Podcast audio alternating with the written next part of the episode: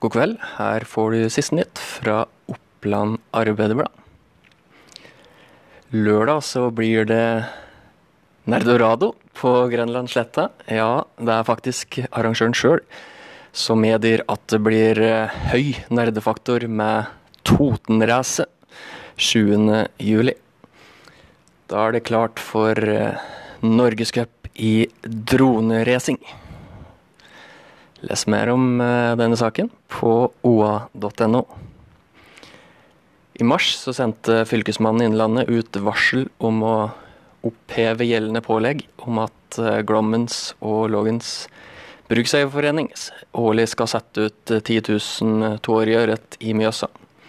Styret i Mjøsa fiskeforvaltning frykter at eh, hunderetten nærmest kan være borte innen få tiår. Dersom Fylkesmannen i Innlandet opphever eh, gjeldende pålegg.